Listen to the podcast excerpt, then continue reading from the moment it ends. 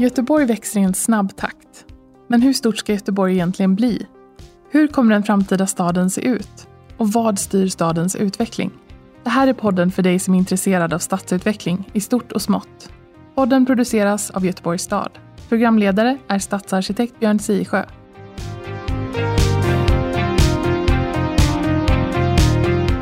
Välkomna ska ni vara allihop till Götepodd. Idag ska vi prata om klimatet och vad vi gör i Göteborg och Göteborgs stad runt eh, klimatfrågan på ett mer övergripande sätt. Med mig i studion idag så har jag eh, Lena och Karin. Ni får presentera er själva. Lena? Ja, tack så mycket för att jag får vara med här idag. Lena Holmberg heter jag. Jag jobbar i programledningen för Viable City som är ett av 17 nationella strategiska innovationsprogram som har missionen klimatneutrala städer 2030 med ett gott liv för alla inom planetens gränser. Mm, det var höga mål, ja. Härligt. Eh, Karin? Ja, hej allihopa! Jättekul att få lov att vara med här idag. Jag heter Karin Bjärner och jag jobbar som utvecklingsledare på avdelningen för stadsmiljö på miljöförvaltningen. Eh, där jag driver lite olika typer av utvecklingsprojekt, bland annat det som eh, Bible Cities finansierar för staden, nämligen klimatneutrala Göteborg 2030.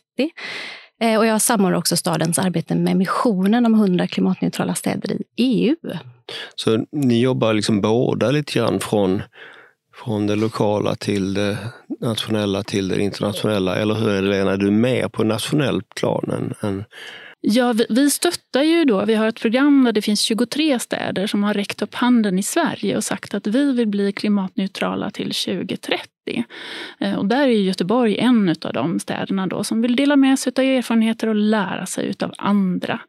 Eh, sen stöttar vi också på eh, det internationella planet då i den satsningen som Karin pratade om, de här 100 EU-städerna då. Mm. Där är vi också med då.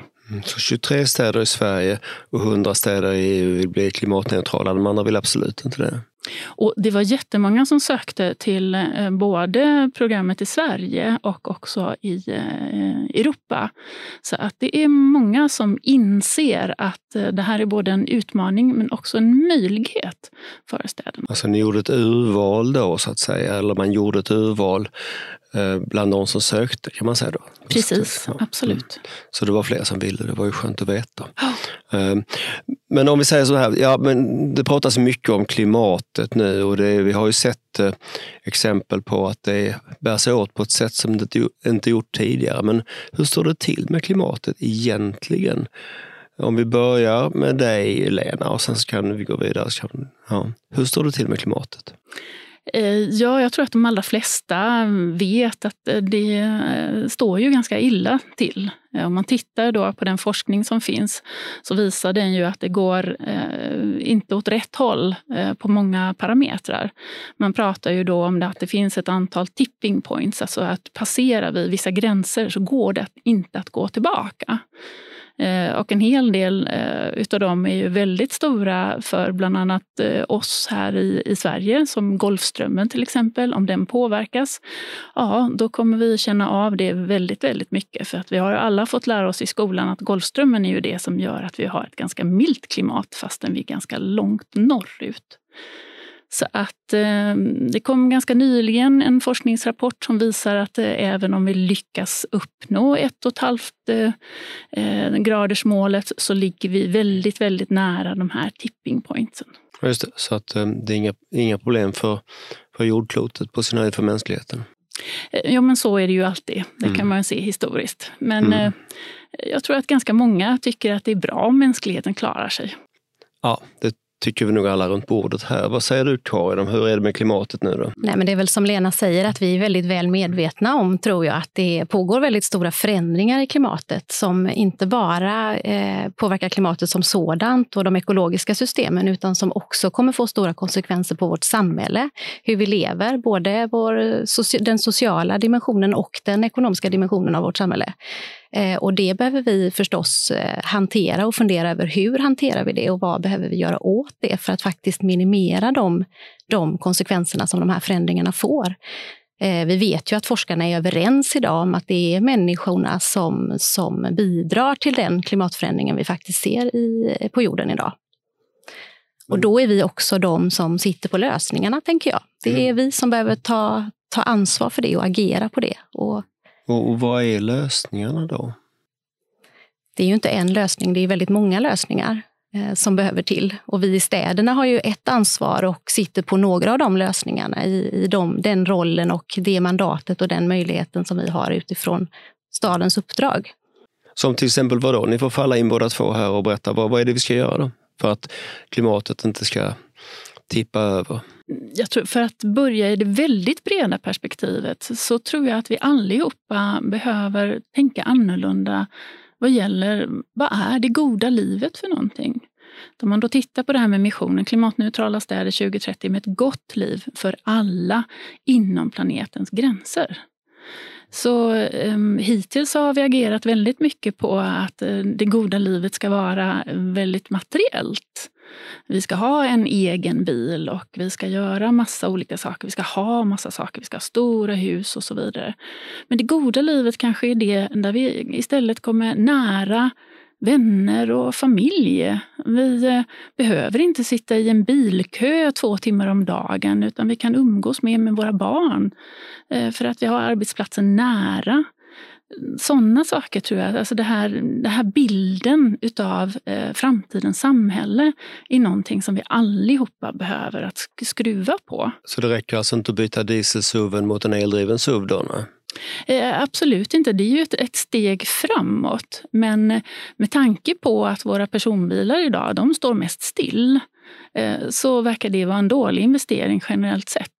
Det är också så att tittar du på parkeringar, det finns, mm, finns mer parkeringsyta för bilarna än vad det finns bostadsyta för, för människorna i Sverige. Eh, är det så vi vill ha det? Ja, men det är en bra fråga till, till, till göteborgarna. Är det så vi vill ha det? Eh, det? Jag som stadsplanerare kan väl också konstatera att, att just den här utspridda staden som vi har byggt i Göteborg ganska mycket på, och någon sorts nordamerikan, någon sorts nordamerikanska förebilder gör ju också att, att den, den genererar mer mobilitetsarbete än en, en mer sammanhängande och nära stad gör. Eh, så de här markparkeringarna vi har, de genererar ju ännu fler bilar för att eh, det är ännu fler människor som inte löser sitt livspussel utan bil så att säga. Men vad säger du om det Karin? Vad, vad liksom, hur, hur, på det här lokala planet, liksom, vad, vad, är det vi, vad är det vi ska göra med staden för att den ska bli mer Mer, um... ja, men du är väl inne delvis på det och jag tror Lena är inne på det också. Dels så handlar det om att, att, eh, så att säga, få en acceptans, en förståelse och en vilja att ställa om.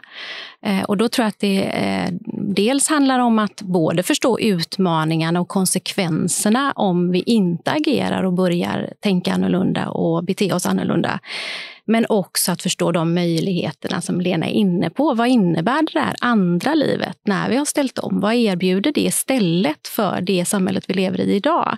Och det tror jag är väldigt viktigt att liksom få båda de delarna eh, begripliga och beskrivna för sig. Jag tror att mycket handlar faktiskt om en kunskapshöjning i samhället i stort. Jag tänker att vi som stad har ju, precis som du är inne på Björn, vi har ju flera verktyg som vi kan och behöver använda oss av för att möjliggöra och skapa de förutsättningarna som, som eh, så att säga, bidrar till den omställningen och förändringen. Till exempel i stadsplaneringen med att istället för att, eh, för att eh, eh, avsätta större ytor för parkering så avsätter vi ytor för möte, för rekreation, för de gröna ytorna eh, och så vidare. Kanske odling, satsodling och, och liknande insatser. Så vi har ju massa verktyg som vi kan skruva på ganska mycket tror jag. Ja, just det. Men det där med, jag tycker det är intressant, för ni har ju nämnt det båda två, det här med kulturförändring. För kulturförändring, det är ju själva inte någonting, eh, det tar tid, men det är kanske inte svårt och krångligt om man, om man gör det på, på rätt sätt. För vi har alltid haft en kulturförändring. Jag, kan, jag som, som är typ skitgammal. Eh, jag kan ju säga att när jag var liten då var ju, då var ju idealen helt annorlunda så att säga. Man kanske la sina pengar hellre på att köpa en, en motorbåt än, än att gå på restaurang. Alltså det, det förändras generation för generation det där. Och, och, och det, det är ju egentligen bara att man ska stryka den förändringen medhårs och, säga, och ge möjlighet för folk att leva det liv som de har lust med. Mm, jag kan ta som exempel att, att eh, Också när jag var liten så, så, så, så var varuhusen jätte, jättestora.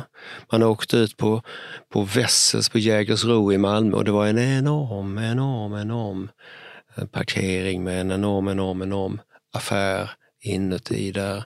Och, och nu när vi bygger nytt eh, som, som ute på Backaplan. Då ersätter vi den här 11 000 kvadratmeterna Coop med, med 4 000 i ett annat läge. För folk orkar inte irra runt där i lysrörsljuset på samma sätt som man gjorde förr. Så, så förändring sker ständigt i, i folks sinnen och, och det är kanske den vi ska utnyttja. Jag tänker också på det Lena sa förut om tipping points i, i, i det ekologiska systemet, så att säga, i klimatsystemet. Jag tänker också att vi kan föreställa oss och tro att det också kommer sådana tipping points i det sociala. Eh, alltså att när vi kommer tillräckligt långt med eh, ja, både tekniska lösningar men också kulturella förändringar, så, så driver det liksom utvecklingen lite snabbare. Alltså fler hakar på, man får liksom positiva eh, feedback-loopar i, också i samhället som gör att vi faktiskt kan röra oss lite snabbare framåt. Och att den liksom förändringen kan ske, kanske lite trögt nu, men förhoppningsvis lite snabbare eh, längre fram.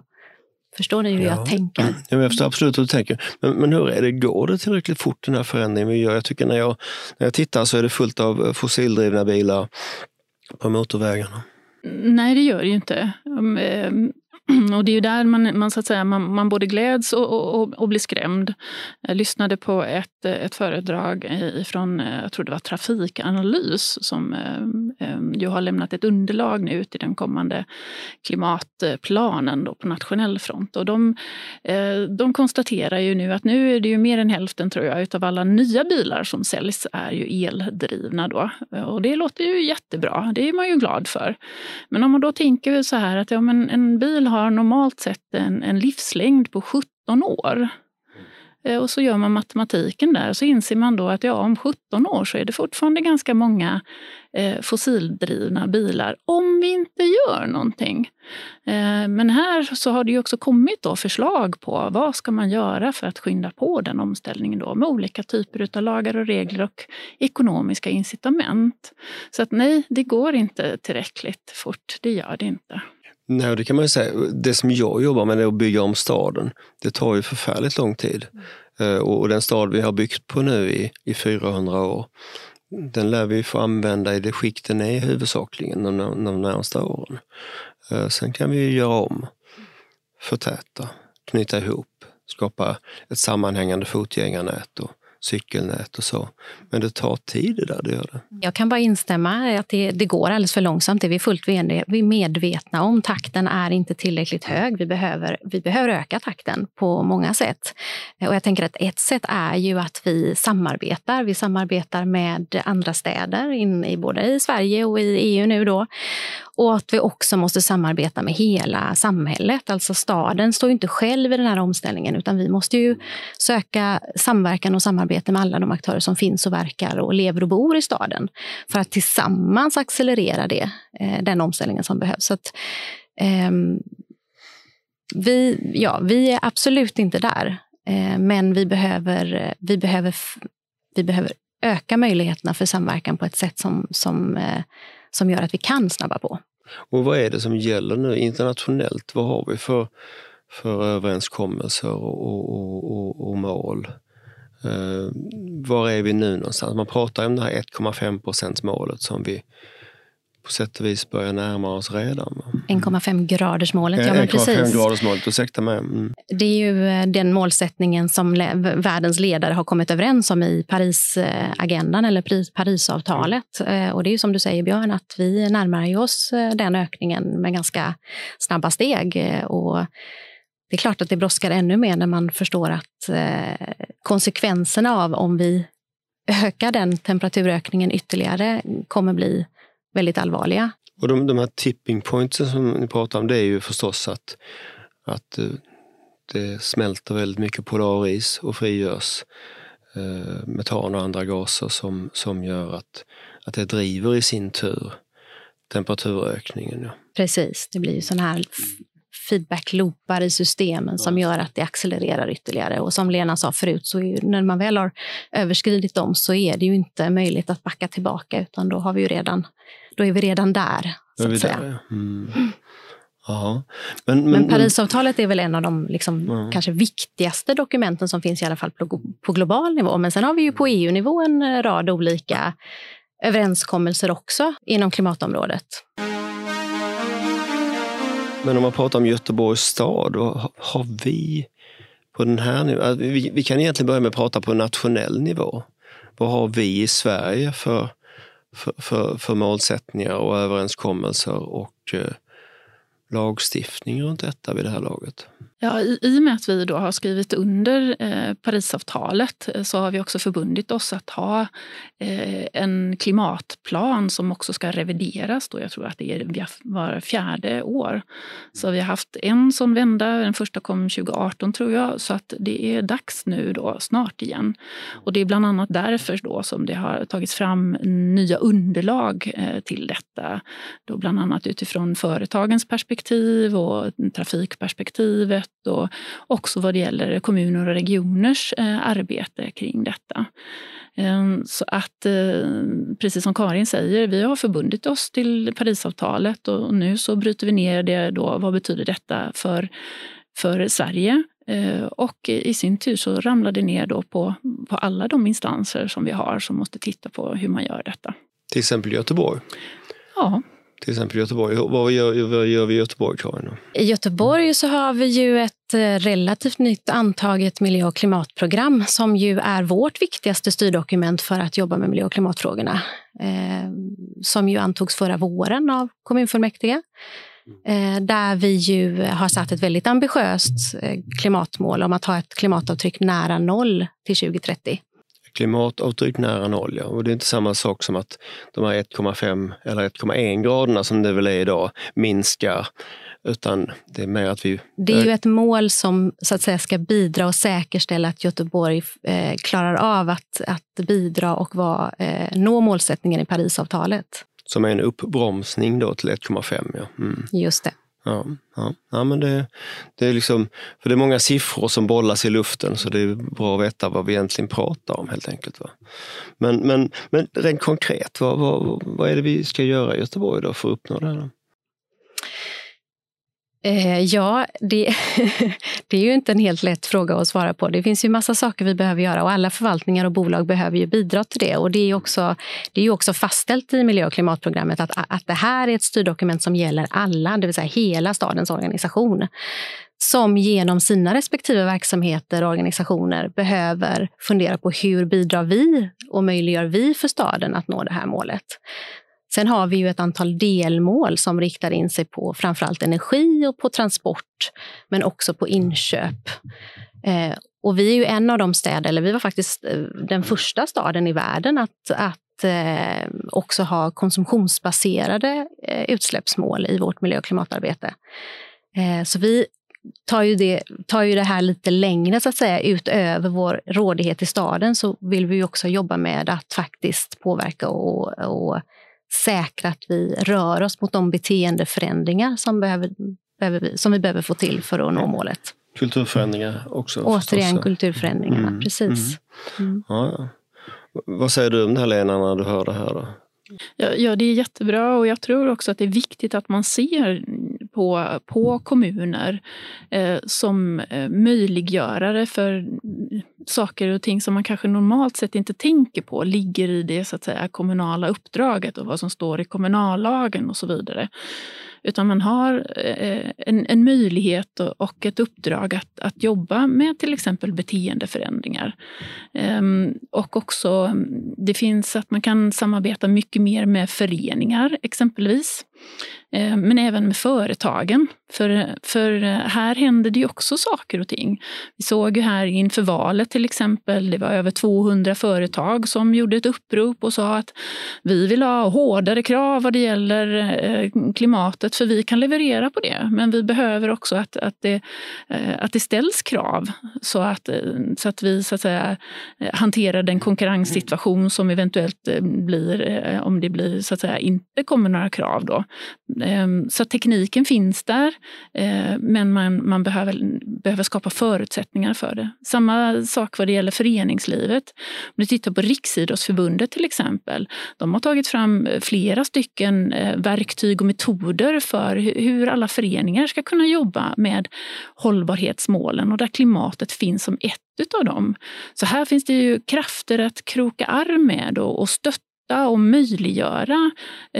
Och det kan vara kommunernas roll då. Men vi hade just ett val och då sa ju nästan alla politiker att eh, vanligt folk ska inte behöva bry sig om klimatet för det är, en, det är en fråga för politikerna, så det tar vi hand om eller inte. Ni ska kunna flyga till Thailand och, och köra dieselsuv. För, för det, man ska inte behöva ha någon sorts förändring av sitt liv. Men har de fel då, nästan alla politiker, eller hur funkar det? Eh, att det var nästan alla politiker, det, det kanske kanske är en svår fråga att avgöra. Um, och vad man Men säger de som säger så, ja. uh, har de rätt eller fel? Ja, frågar du mig så har de fel. Fråga dig. Mm. Och nu frågar jag dig också. Ja, men jag instämmer ju med Lena. Det, det är ju uppenbart att de utmaningar vi står inför, om vi inte gör någonting nu så kommer det få så otroligt mycket större konsekvenser längre fram. Så vi måste börja fundera över vilka förändringar som behöver ske.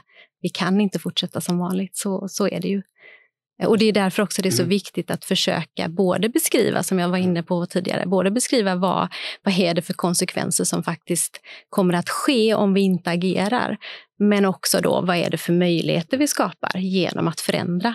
Så, så om någon säger, om huset brinner och någon säger att inte ska du behöva bära hinkar och släcka, du blir bara svettig, då ska man vara misstänksam då? Eller? Det tycker jag. Det var en bra liknelse, Björn. Men vad gör andra städer i Sverige, du Lena som har, kanske har lite koll på det? Ja, många utav de, de här 23 som är med i vårt program, de jobbar ju på, på samma sätt som, som eh, ni gör här i Göteborg med att sätta de här planerna, att jobba hårt med medborgarengagemang. Man jobbar också på att eh, titta titta på hur eh, den digitala eh, förändringen också kan vara till stöd i den här omställningen som vi står inför. Och det handlar ju både om då hur vi kan, eh, hur kan vi få ihop livspusslet på ett annat sätt med hjälp av olika typer av appar appar. Eh, men också hur man då kan använda digitalisering för att eh, kontrollera just eh, var står vi nu vad det gäller klimatet och de här insatserna som vi gör, får de de effekterna som vi vill ha eller inte? Och också att man ska kunna simulera och få bättre underlag för beslutsfattning. Jag tror ni har haft en, en, en ett avsnitt här innan om den digitala tvillingen till exempel. Just det, det stämmer det. Ja, och det är flera andra städer som också börjar följa efter och göra den typen av lösningar. Jag som bara jobbar med Göteborg eh, i min, mitt arbetsliv, jag, jag, har kanske inte riktigt den här utblicken, men, men jämfört med andra städer i Sverige och i Europa, vad har vi för fördelar och vad har vi för nackdelar? Vad är vi svaga på vad det gäller det här arbetet? Och, och vad är vi bättre på?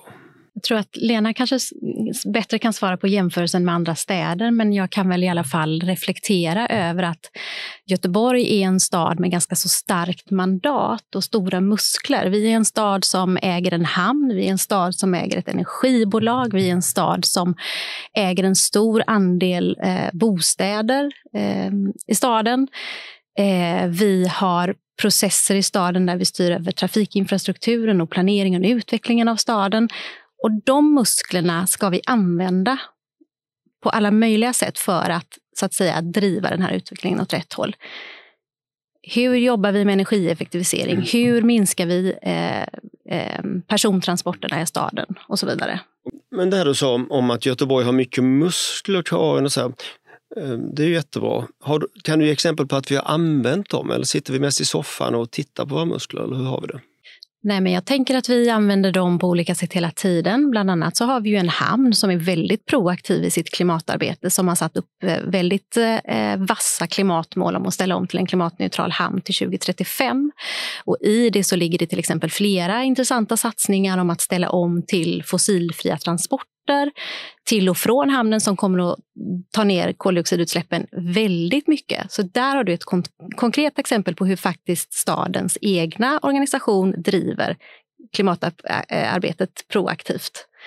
Ehm, och sen finns det andra exempel. Vi har en, en, ett energibolag som jobbar jätteaktivt med att och en har en skarp målsättning om att vara en fossilfri eh, ha fossilfri eh, värmeproduktion till 2025 där man jobbar intensivt med att, eh, att säkra, eh, säkra det så att säga genom olika typer av åtgärder. Just det. Så det är som Bamse lite, är man väldigt stark så måste man också vara väldigt snäll. Om jag fortsätter på dig då, Dissen då, vad är det som är Göteborg eh, har problem med? Jag tror att du var inne på den själv för en stund sedan. Vi är en ganska så eh, stad som, som brer ut oss. Alltså vi, det är stora avstånd i staden. Vi är av tradition en bilburen stad. Vi är också en stad med stora sociala skillnader. Det har sina utmaningar också i klimatarbetet. Eh, så att vi har utmaningar. Långt mellan människorna på flera sätt. Mm, så mm. kan man uttrycka det. Mm. Lena, vad säger du då? Vad, vad, din hiss av Göteborg, vad är det då? Eh, jag skulle faktiskt lyfta fram en, eh, ett område som eh, kanske är lite oväntat men som är väldigt starkt och det är ju evenemangsindustrin som är stor i Göteborg och där man då också mm, tillsammans med turistnäringen har jobbat länge och mycket och framgångsrikt med just hållbarhetsfrågor och klimatfrågor. Ehm, så att där, eh, exempelvis på senaste Way Out West, så eh, hölls det första klimatmötet för evenemangsindustrin eh, i Sverige. Och där man då tittade på vad kan vi göra för att bidra? Och det spännande där är ju då att precis som alla andra branscher måste titta, vad kan vi göra? Hur kan vi eh, artister minska mm, våra transporter och så vidare. Vad ska serveras för, för mat på, på eh, olika evenemang och så vidare. Så finns det en annan aspekt som är viktig just i det här när vi går på roliga eh, evenemang. Då är vi också öppna för nya idéer och intryck. Och det gör att evenemangsindustrin har ju en, eh, kanske i jämförelse med många andra industrier, då, möjlighet att påverka eh, människors beteende, sätt att tänka. Eh, och det är en stor styrka för, för Göteborg. Eh, evenemang är ju en viktig del av många kommuners eh, näringsliv, men det är ju extra starkt här i Göteborg.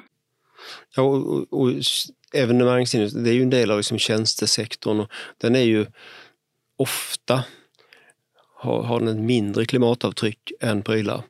Så att liksom hellre gå på Way Out West än att köpa en ny pryl. Liksom. Lite så kan det vara. Mm. Sen om man ska då åka långt eller flyga någonstans för att gå på konsert, då, då sparkar du. Men, men, men, men sådär liksom just, vad ska vi göra? Jo, folk går mycket mer på restaurang nu och köper kanske mindre prylar. Och det är ju bra. Mm. Men dissen då, vad är det Göteborg är svaga på? Alltså det, det är kanske svårt att säga någonting som, som Göteborgs specifikt är svag på, på det sättet. Men jag tror generellt sett då att det man delar eh, just en stor utmaning med att, precis som Karin säger, då, att involvera fler i klimatarbetet. Mm, där tror jag att det finns väldigt mycket att göra. Eh, och en aspekt av det är ju det som man då kallar för medborgarengagemang. Eh, och där tycker jag väl att ehm, ja, det finns en historik av att många städer gör att åh, nu ska vi kanske bygga om lite här. Ja, men då, då går vi ut och frågar invånarna. Vi ställer oss på, på gatan och så haffar vi lite folk och så frågar vad tycker du om det här då? Eh, ja, och så klappar man sig själv på axeln lite och tycker att men nu är vi duktiga. Nu har vi pratat med, nu har vi pratat med medborgarna. Nu har vi inte bara suttit på kontoret och, och ritat streck, utan nu har vi pratat med medborgarna.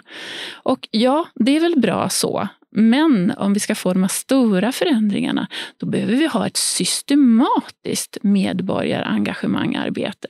Det behöver genomsyra allt vi gör. Och det är också där digitala lösningar kommer in. Man kanske kan få in det på ett helt annat sätt. Eh, det är kanske så här att eh, varför är inte alla ärenden i diariet taggade med eh, geografiska positioner? Så att jag som medborgare kan följa alla ärenden som är kopplade till den platsen som jag tycker mest om. Vilket antagligen är där jag bor och, kanske där jag jobbar och, och, där kanske jag har mina föräldrar eller vad det nu är för någonting. För att det är det personliga engagemanget som vi måste åt för att skapa förändringar. Så att ett systematiskt medborgararbete och där man kanske också ser då medborgare inte bara som enstaka eller enskilda individer. Utan vi har ju fler hattar. Vi är med i föreningar. Mm. Vi, vi har eh, arbeten. Eh, vi är medarbetare. Det går att göra systematiskt på ett helt annat sätt. Alltså så du och jag eller Nisse och Fatima på gatan. Eh, om man känner att man har mer påverkan, då tar man också mer ansvar. Det är så du säger lite grann. Ja. Mm. Mm. Det stämmer nog. Mm. Stämmer nog. Uh, ja, Karin? Nej, men jag vill bara fylla på där vad Lena säger, att det här är ju, har vi ju identifierat som en av våra stora mm. utmaningar, att vi behöver verkligen jobba med att, att skapa den systematiken och hitta liksom sätt, verktyg, metoder, ansatser för att inkludera medborgarna på ett helt annat sätt än vad vi gör idag, just i hållbarhetsfrågorna och, och klimatfrågorna. Eh, och därför har vi ju bland annat inom ramen för Klimatneutrala Göteborg-projektet, det vill säga det som Viable Cities faktiskt är med och finansierar, Eh, med ett sådant arbetspaket där vi just tittar på vad är det för typ av metoder som finns och som vi kan utveckla utifrån den lokala Göteborgskontexten. Och vad kan vi lära från andra städer och hur kan vi bygga eh, en systematik som, som passar oss och som, som skapar de arenorna och möjligheterna för för dialog och utbyte, samskapande av lösningar med medborgarna. Så vi jobbar ju på den frågan även om vi absolut inte är i mål och är fullt medvetna om att det här är en viktig pusselbit som vi måste få till. I mål är man ju aldrig, säger jag som, som håller på att bygga stad. Eh, det är man ju inte, förhoppningsvis inte, för att en stad börjar ju någon gång, 1621 i vårt fall, men slutar ju förhoppningsvis aldrig. Så att det är ju, i mål är vi aldrig helt enkelt, utan det är en process. Vi är myrorna och myrstacken är kvar. Jag tycker det var intressant att prata om det här med, för jag har förstått att ni båda delar den bilden av att vi ska liksom bygga det goda samhället som är ett bra samhälle för människor, men som, som förbrukar mindre resurser och, och, och eh, har en förutsättning att vara hållbart långsiktigt för våra barn och barnbarn och så. Men, men nu måste ni berätta om 20 år, då. hur ser det ut då? Ditt goda samhälle, Lena, hur ser det ut om 20 år? Jag kan ta ett exempel på ett projekt som faktiskt eh, har, har genomförts här i, i, eh, Göteborg som exempel på hur man kan tänka. Eh, och det gjordes inom ramen för det som heter Sharing Cities, alltså som tittar på hur vi kan dela saker och ting ännu mer. Och där tittade man på en, en, en stadsdel i Vardande här i Göteborg som är Masthuggskajen. Och som, där det ju ska byggas helt nya hus, massor utav helt nya hus. Eh, och, och, när man tänker på det vanligtvis så, så är det ju, ja men du är ju mycket det är mycket av den nya typen av bebyggelse och med det så kommer det också att ja, nya hus de kostar mer. Eh, och då blir det vissa typer av verksamheter som är där och, och vissa typer av människor som är där. Eh, och ehm, eh, det, man tänker oftast ganska kallt och stelt och, och, och, och, tomt på kvällarna och så vidare. så vidare. Men i det här projektet så tittade man på, mm, kan man ändra förutsättningarna för hur man bygger då de här nya stadsdelarna genom att se, kan man kan man skapa i, i, i gatunivån plats för verksamheter som så att säga, normalt sett inte har råd att vara där. Och som ökar då livet i den här stadsdelen. Det blir nya typer av människor som är där på andra tider på dygnet. Och man kan använda de här lokalerna för att dela saker och ting. Eh, mecka med cyklar och ha möten och seminarier och så vidare. Så. Men för att det ska hända då så måste man också ändra de ekonomiska modellerna. Eh, för att man hela tiden ska ta ut så att säga, maximal hyra, nej, men då kommer de här verksamheterna inte in. Så att man, min framtidsbild handlar väldigt mycket om det här. Hur får vi det här blandade samhället? Eh, man brukar ju prata om 15 minuters staden där vi kan gå och cykla till allting som har med, med jobbet och affärer och, och, och skolor och så. Att det finns eh, i närheten och att det är en, en inkluderande stad där det är ett myller och blandning av folk i olika åldrar och med olika inrikter och, och intressen i livet. Det är min bild av framtiden. 15 minutersstaden den kom väl från Paris från början som, som begrepp, eller kom den någon annanstans ifrån? Det vet jag inte, men, men det, var ju, det var ju det här att man vill ha en stad där man som sagt hade ganska nära till, till de där sakerna man behövde göra under en dag.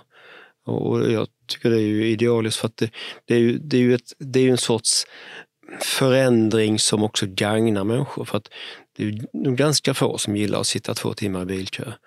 Eh, men däremot cykla tio minuter kan de flesta tänka sig att det är en bra idé. Liksom, så att, eh, Karin, vad är din, i din eh, sån här vision. vision om hur vi har dem 20 år, hur, hur är det då? då? Ja, men jag tänker i, i snarlika banor som Lena. Eh, det, handlar ju, det handlar ju verkligen om att kanske sätta människan i centrum eh, faktiskt i, i staden, i den framtida staden. Och vad är det, vad är det människan mår bra av? Eh, vad är det som så att säga eh, gynnar människans välmående och välbefinnande? Och då är vi nog inne på, på just det här med ja, men närheten, mötesplatser, gröna ytor, rekreationsmöjligheter och så vidare. Kanske närheten till vattnet som vi har här i Göteborg och skulle kunna skapa ännu bättre möjligheter för att, att öka den närheten. Um, och, men jag tänker också att vi, är, vi, har liksom, vi tar steg hela tiden mot det där goda livet. Åtminstone är det min, eh, ehm, ja, men, min uppfattning utifrån det som faktiskt händer i staden i form av att vi vi ställer om till elektrifiering. Vi har massa olika satsningar på det. Det är inte hela svaret, men det är en del av svaret. Vi tänker jättemycket på cirkulära flöden, på resurseffektivitet i våra byggprocesser. Vi jobbar jättemycket med hur får vi ner våra klimatavtryck i byggprocesserna? Hur kan vi kravställa i, i de processer där vi är kravställare? Eh, vi jobbar med eh, samdistribution och minskad innerstadstrafik. Vi kan styra genom vår trafikstrategi och genom stadsplaneringen. Så att vi har verktyg och vi använder dem redan. Och Jag tror bara det handlar om att vi behöver växla upp det ytterligare och då är vi i den här goda staden om 20 år. Mm. Det är i alla fall min förhoppning och eh, min tro. Jag ska säga vad jag skulle vilja tillföra så är det ju också det här med byggandet som vi pratar om.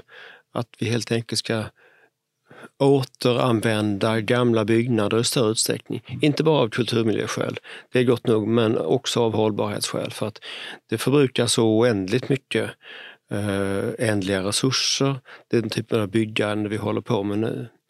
Men, men, när jag kommer in i det så, så är det en, en, annan podd som jag hade med Ola Serneke där jag sa att hur är det nu egentligen? Hur hållbart är det att bygga ett Karlatorn? Och, och det, tittar man på projektnivå så är det givetvis absolut inte hållbart alls på något sätt. Va?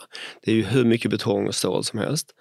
Men om man tänker som så här att de människorna som, som bor i det här Karlatornet så småningom, 600 lägenheter, det är ju ett par, tre villaområden långt utanför stan där man kör bil till stan. Eh, så tittar man på det, alltså om man, om man liksom vidgar blicken lite grann så kanske Karlatornet vinner över villaområdena ändå i hållbarhet. Det vet jag inte. vi har inte räknat på det så vi kan inte avgöra det. Men det visar ju bara att det är väldigt komplext. Det är väldigt mycket vi måste ha med när vi tänker Jaha, vilken mat ska vi äta, vilken mat ska vi inte äta? Ja, det beror på en massa olika saker förstås. Eh, så, att, så det, det, är spännande för att det, eh, det, jag tror det, det sker en utveckling och en kunskapsökning runt de där frågorna just nu. Och det finns också, tycker jag, ett driv och ett intresse i stadens olika förvaltningar och bolag att vara med på den omställningsresan och verkligen ta sitt ansvar där man har möjlighet och kan. Så jag, jag tycker verkligen att vi är en stad som vill vara i framkant och försöker vara i framkant. Jag tänker till exempel på den helt klimatneutrala förskolan Hoppet, eh, som ju är en, en ja, men en stor framgångssaga. Dels i att vi faktiskt har den här förskolan på plats nu, men att vi också i det arbetet har skapat en process för hur vi ska jobba med de här frågorna i andra byggprocesser. Och vi behöver absolut förebilder Så att folk förstår att nej, en ändrad framtid är inte bara försakelse, det är också vinster, poänger, saker i livet som man inte hade innan.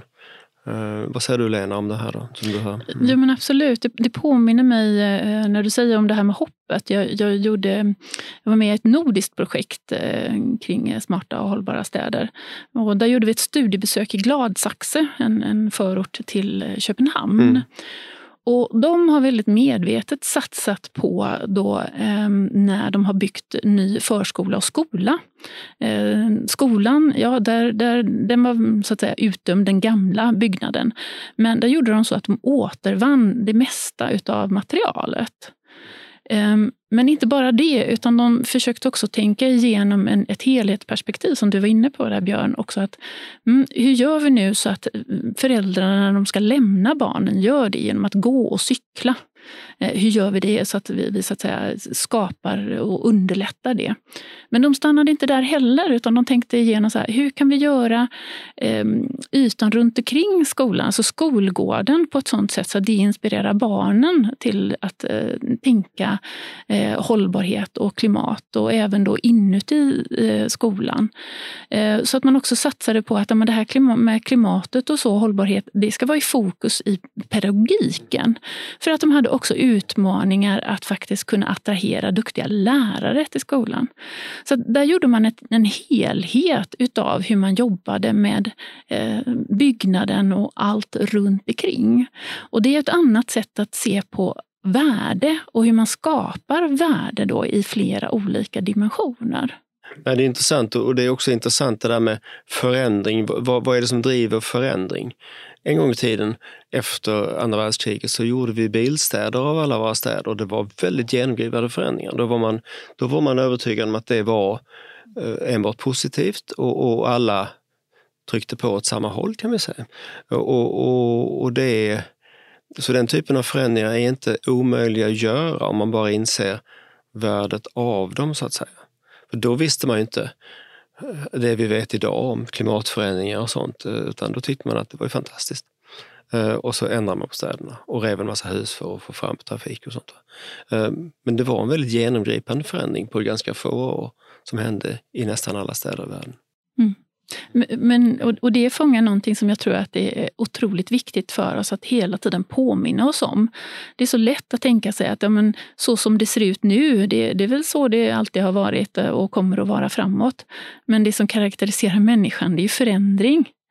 Eh, och därför är det så viktigt just att jobba med de här bilderna av framtiden. För att det går att ändra. Tittar vi tillbaka i historien så ser vi att om det är någonting som har hänt så är det ju att det förändras hela tiden. Jo, det går att ändra och det kan bli bra fast på ett annat sätt. Det är ju det som vi, vi måste liksom på något vis få med oss folk på. Mm. Precis, jag tror det handlar jättemycket om att visa de där eh, positiva bieffekterna som inte kanske handlar om de rena klimatvinsterna utan som handlar faktiskt om eh, vinsterna i, i välbefinnande, välmående, hälsoaspekter och så vidare. Ja, gött liv. Ett gott liv. Mm. Mm. Ett gött liv för oss förstås, men också ett gött liv för våra barn och barnbarn och så vidare framåt i tiden. Eh, med detta vill jag tacka så mycket för er medverkan här. Det var superintressant att diskutera det här. Det är lite läskigt, men det, är också, det finns också mycket eh, Ja, du pratar om förskolan, hoppet, men hoppet är ju det vi har. Va? Och, och, och ganska välgrundat hopp tror jag också för mänskligheten har stor förändringskapacitet. Vi har överlevt en massa tokigheter genom historien och det ska vi göra nu också, men vi måste ta tag i det. Eller hur? Absolut. Ja. Hoppet är viktigt, men det lever. Ja. Så eh, tack Karin och tack Lena. Du har hört ett avsnitt av Götepodd som produceras av Göteborgs stad. Redaktörer är Ann Bergermark Rintala och Peter Wanding. Samt redigering Josef Bosir. Läs mer om Göteborgs stadsutveckling på www.stadsutveckling.goteborg.se